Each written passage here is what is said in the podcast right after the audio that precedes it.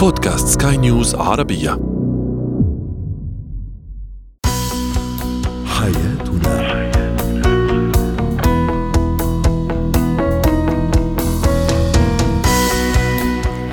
مستمعينا الكرام أهلا بكم معنا إلى حياتنا فضاؤكم اليومي الذي يعنى بشؤون الأسرة وباقي الشؤون الحياتية الأخرى والذي يمكنكم الاستماع إليه عبر منصة سكاي نيوز عربيه dot com slash بودكاست وباقي منصات سكاي نيوز العربية الأخرى. معي أنا آمال شاب. نتحدث اليوم عن الشريك الذي يعاني من اضطرابات نفسية كيف نتعامل معه؟ هل الحل في الاستمرار بهذه العلاقة لكن بطريقة معينة أم في إنهائها؟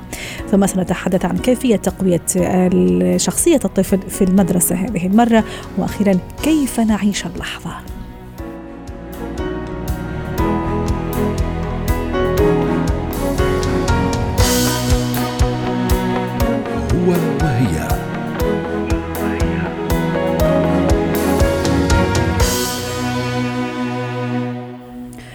هناك من شاءت الأقدار أن تجعلهم يرتبطون بشريك يعاني من اضطرابات نفسية. كيف سيكون الحال بعد الزواج من شخص يعاني من هذا النوع من الاضطرابات والمشاكل النفسية؟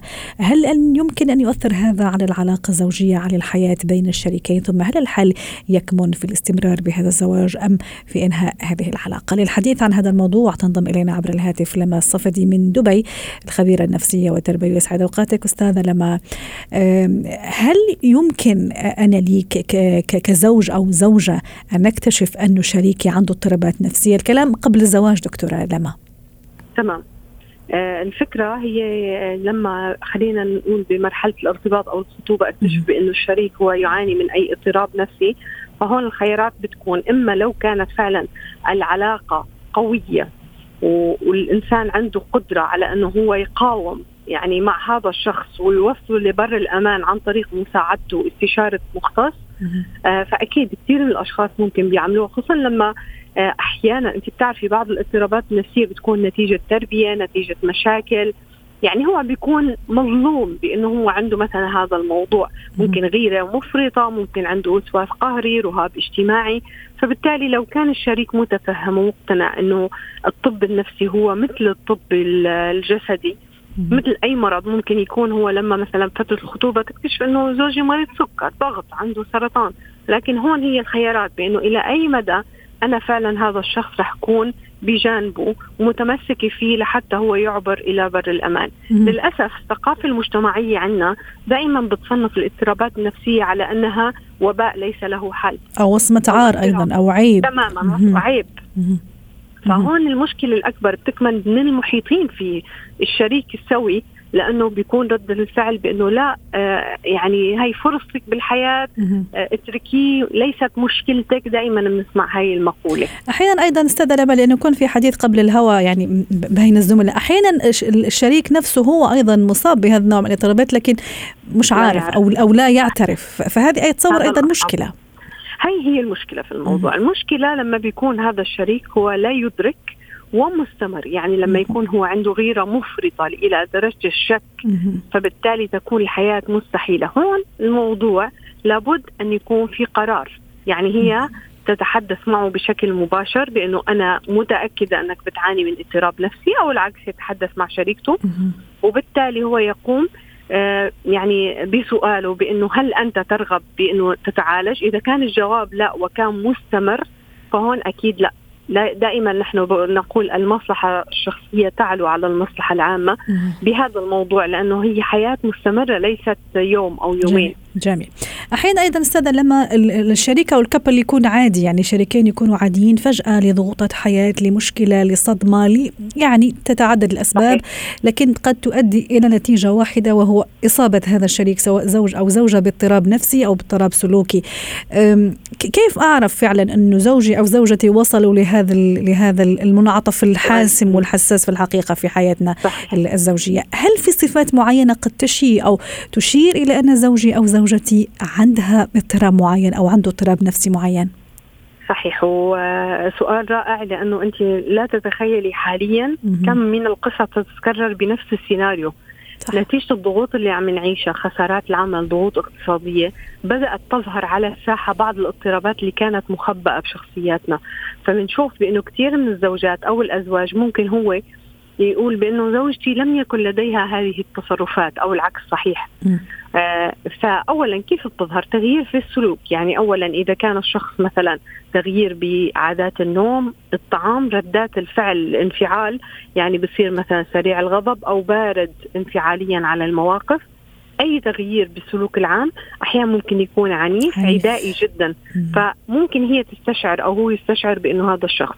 اللي بدي أحكيه بأنه أحيانا الشريك ممكن يكون خائف من فكرة يتواجه مع نفسه لأنه خائف من ردة الفعل. يعني اعطيكي مثال. ممكن أنا أكون حاسة إنه عندي اضطراب نفسي ولكن أنا خجولة من زوجي بأنه أنا أتواجه معه بأنه أنا محتاج أروح لعند طبيب أو مختص أو معالج. آه. فلهيك دائما بنقول لا تفكروا بإنه أنا يعني عندي رح اتخبى من اللي عم بيصير. لا المواجهة هي الحل.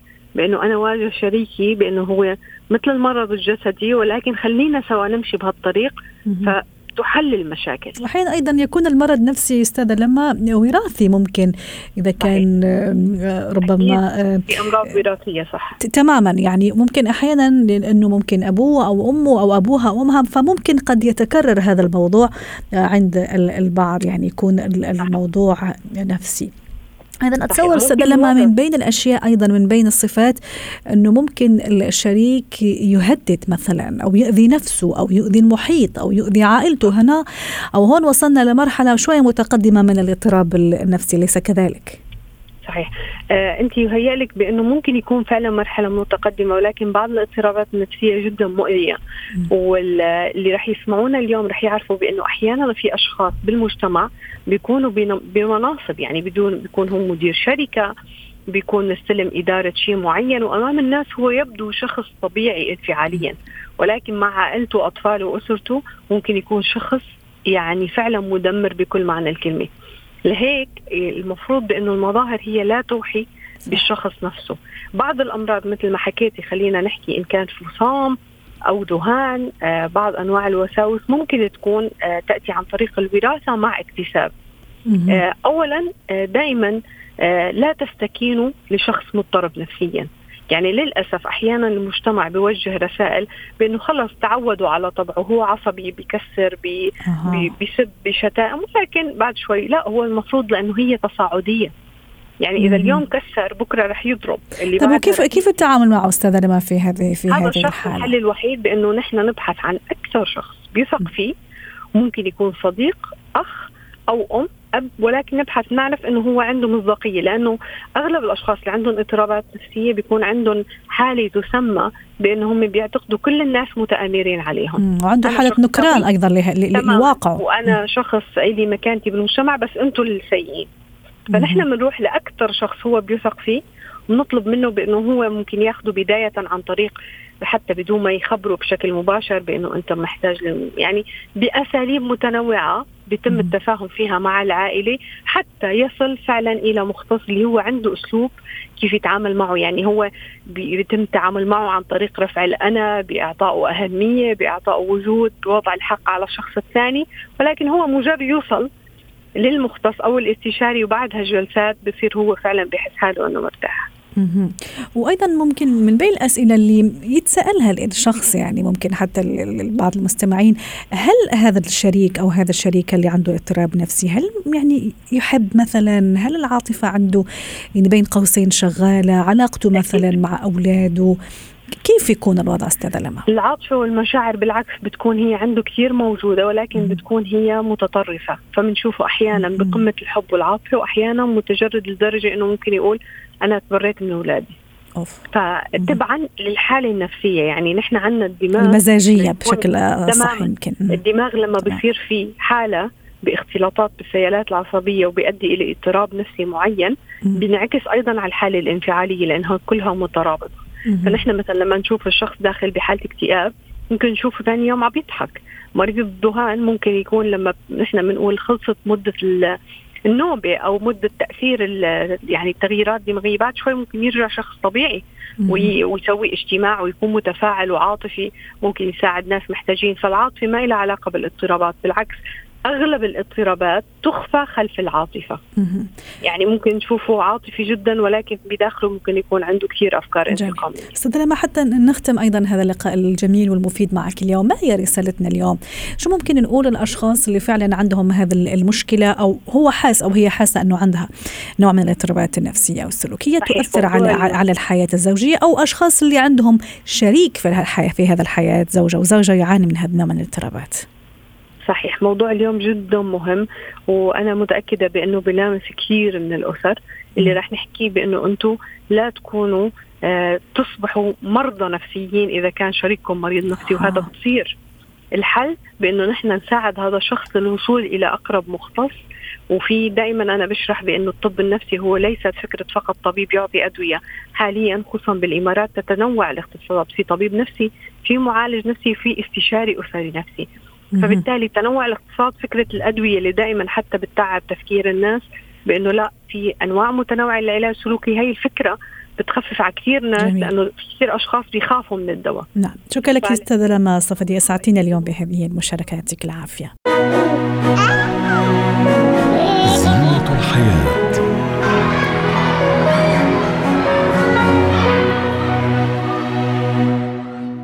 اليوم في زينة الحياة سنتحدث عن تقوية شخصية الطفل في المدرسة. هذه المرة وليس في البيت للحديث عن هذا الموضوع. تنضم إلينا عبر الهاتف من القاهرة الخبيرة التربوية والنفسية دكتورة أميرة الفيشاوي. يسعد أوقاتك دكتورة أميرة. تحدثنا في حلقات كثيرة وباستفاضة عن كيف أقوي شخصية طفلي في البيت مع الأسرة مع الأب مع الأم. اليوم سوف نحاول أن ننتقل إلى مقاعد الدراسة إلى المدرسة بين صفوف الزملاء والمعلمين أيضا. كيف أقوي من شخصية الطفل في المدرسة؟ إيه، أهلا وسهلا صباح النور بحضرتك صباح النور آه الحقيقة تقوية شخصية الطفل في المدرسة هي بالفعل تبدأ من المنزل. بمعنى إذا كان الطفل هنا واخد حقه في الدعم النفسي والعاطفي والتوجيه السليم آه إن هو لو نزل المدرسة لو تعرض لموقف ما يتصرف إزاي التخطيط السليم فهمناه القواعد السليمة هي بتبتدي دي مجرد بداية. آه القواعد السليمة في التعامل مع الزميل لو قابل زميل عنيف في المدرسة يعمل إيه؟ لو شخص تنمر به يعمل إيه؟ لو هو تعرض مثلا لاضطهاد من قبل مدرس يعمل إيه؟ فهنا تقوية شخصية الطفل في المدرسة بنحط بذورها من المنزل واحتواء الأب والأم لها لأن هو في الأول وفي الآخر طفل. فمحتاج التوجيه. هذه هذه في الحالات العادية والحالات اللي كلنا يعني يعني آه، نتمنى نشوفها في الحقيقة. لكن أحيانا أيضا طبعا هي مش تعميم ممكن تكون في المدرسة المعلم يعمل مجهود جبار وكبير ويعني وكل من موجود في المدرسة لكن بمجرد إنه يرجع للبيت ممكن تتهدم هذه الشخصية أو يعني الأب أو الأم بطريقة غير مباشرة أو من غير ما يعرف يحطم هذا الشيء اللي ممكن عم ينبنى في المدرسة. يعني هذه أشياء يعني حالات قليلة أتصور.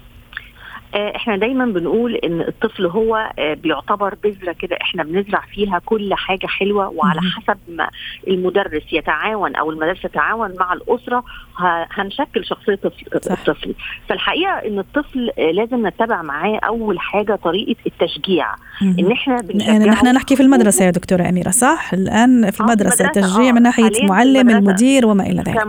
بالضبط كمعلم. إحنا قلنا دور الأب والأم في الأول.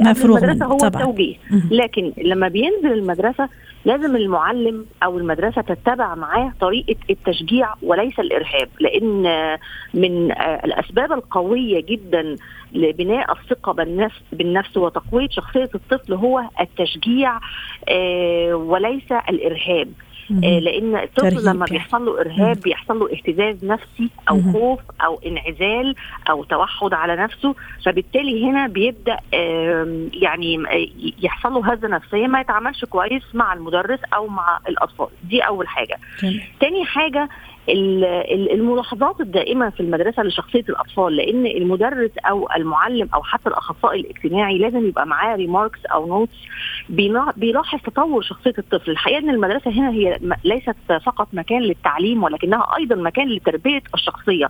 ودايما بنقول إن وزارة التربية والتعليم هي وزارة خاصة بتكوين الشخصية. يعني بتكوين الشخصيه بمعدل متماثل تماما مع التعليم وليس التعليم فقط. فالطفل لازم يبقى فيه هنا اخصائيه اجتماعية أو نفسية بتفهمه لو واجه مشكلة يحصل إيه. لأن المدرسة هي عبارة عن محيط اجتماعي فيها فعل وفيها رد فعل. فلو اتعرض لحالة تنمر يحصل إيه؟ لو عنده مشكلة ما مثلا نتيجة لشكله ساعات بنلاقي مثلا أطفال عندها السمنة المفرطة أو إن هو بيبقى عنده مثلا آه، تلعثم في الكلام أو أو فبتفهمه إزاي يتعامل مع أصدقائه وبتدعمه بالثقة بالنفس عدم التهكم عليه يعني تحت أي ظرف آه كمان يبقى في تواصل بين المدرسة والأسرة لأن أحيانا الطفل زي ما بنقول الأسرة بتيجي بتحط البذور أحيانا المشكلة بتبقى في الأسرة نفسها. يعني الأسرة هي اللي متسببة في مشاكل في شخصية الطفل نظرا لوجود خلافات أسرية أو حصلت مثلا احدث طلاق أو حصلت مثلا وفاة أحد الأفراد في المدرسة.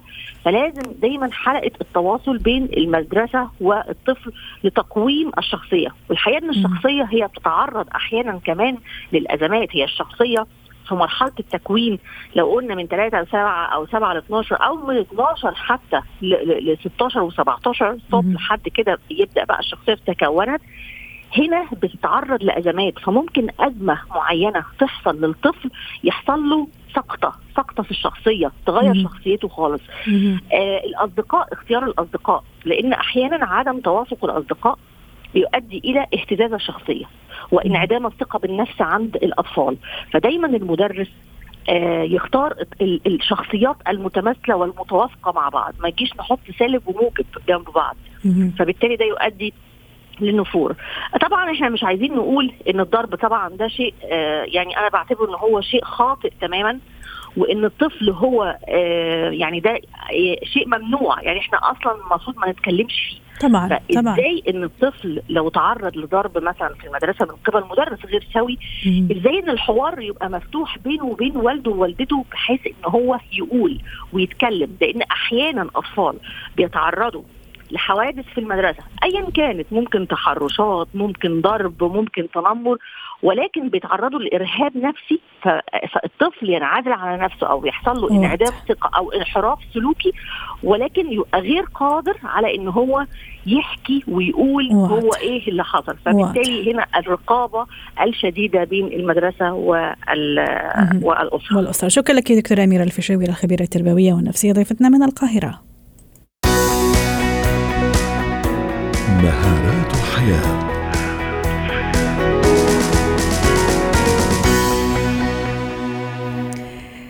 في مهارات الحياة نتحدث اليوم عن كيف نعيش اللحظة. في الحقيقة نمضي في طريق الحياة حاملين معنا. أوجاع الماضي أحيانا وأحداث الماضي ونخطط للمستقبل وأهداف المستقبل.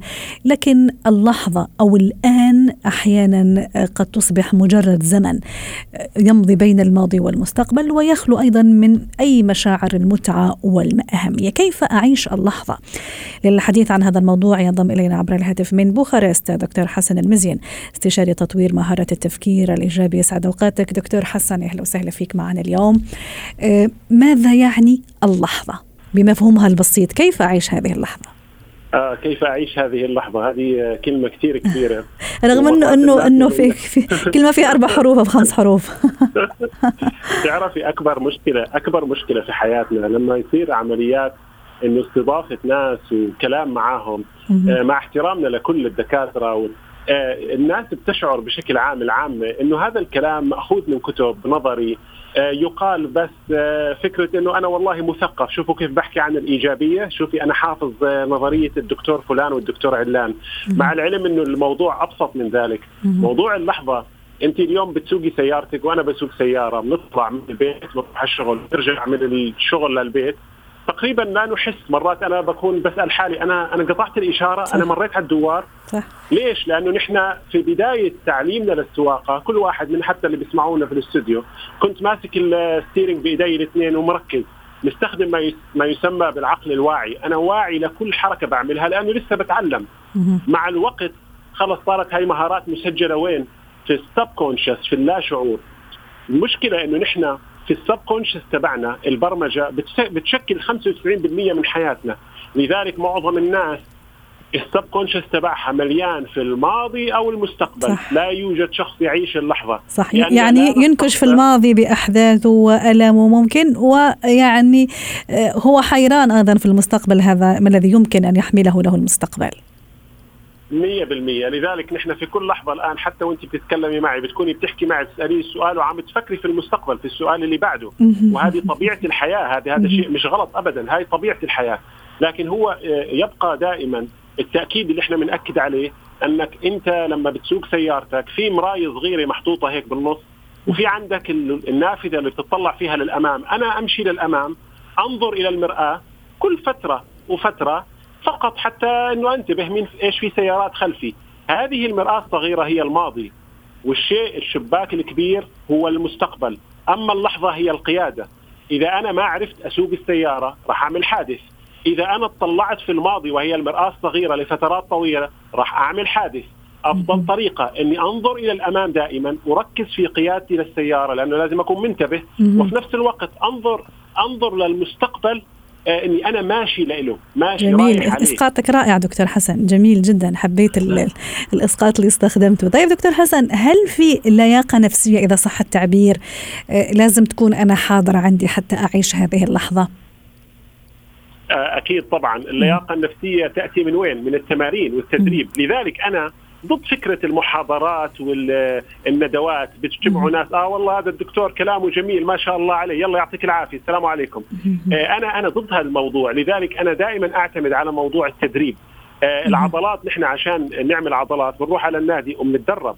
آه الموضوع يحتاج إلى تمرين. كيف أسقط حياتي على اللحظة؟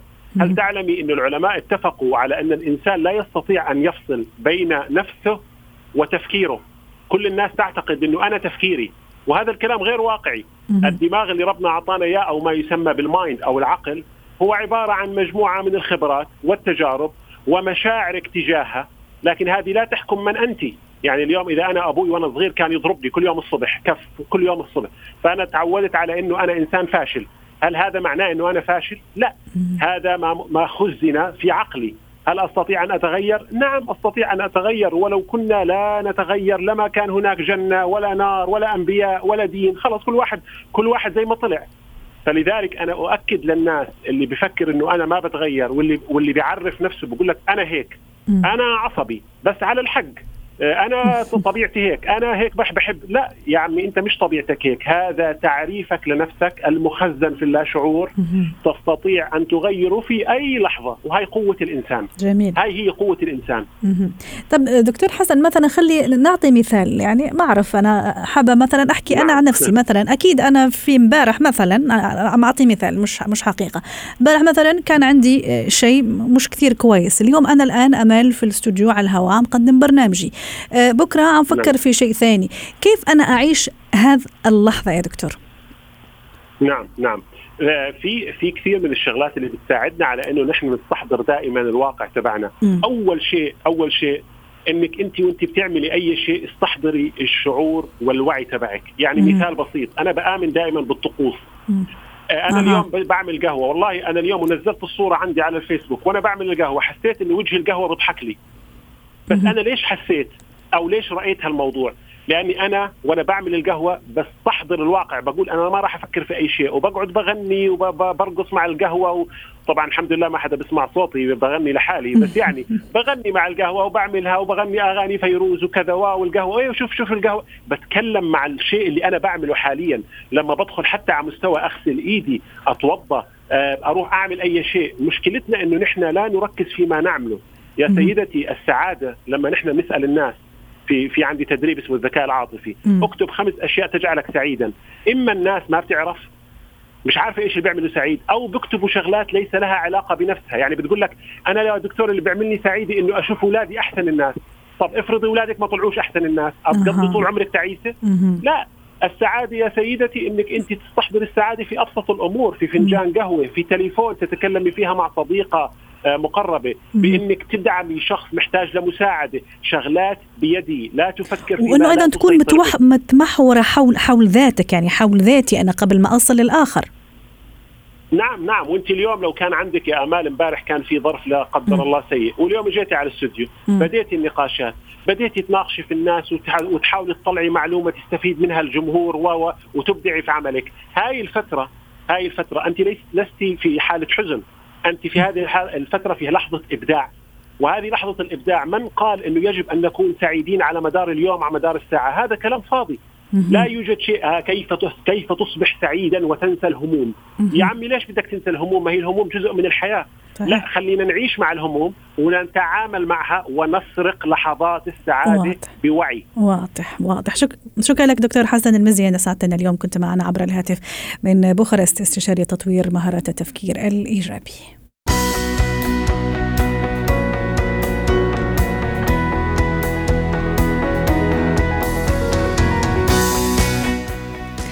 بهذا نكون قد وصلنا لختام حلقة اليوم من حياتنا. شكرا لكم وإلى اللقاء.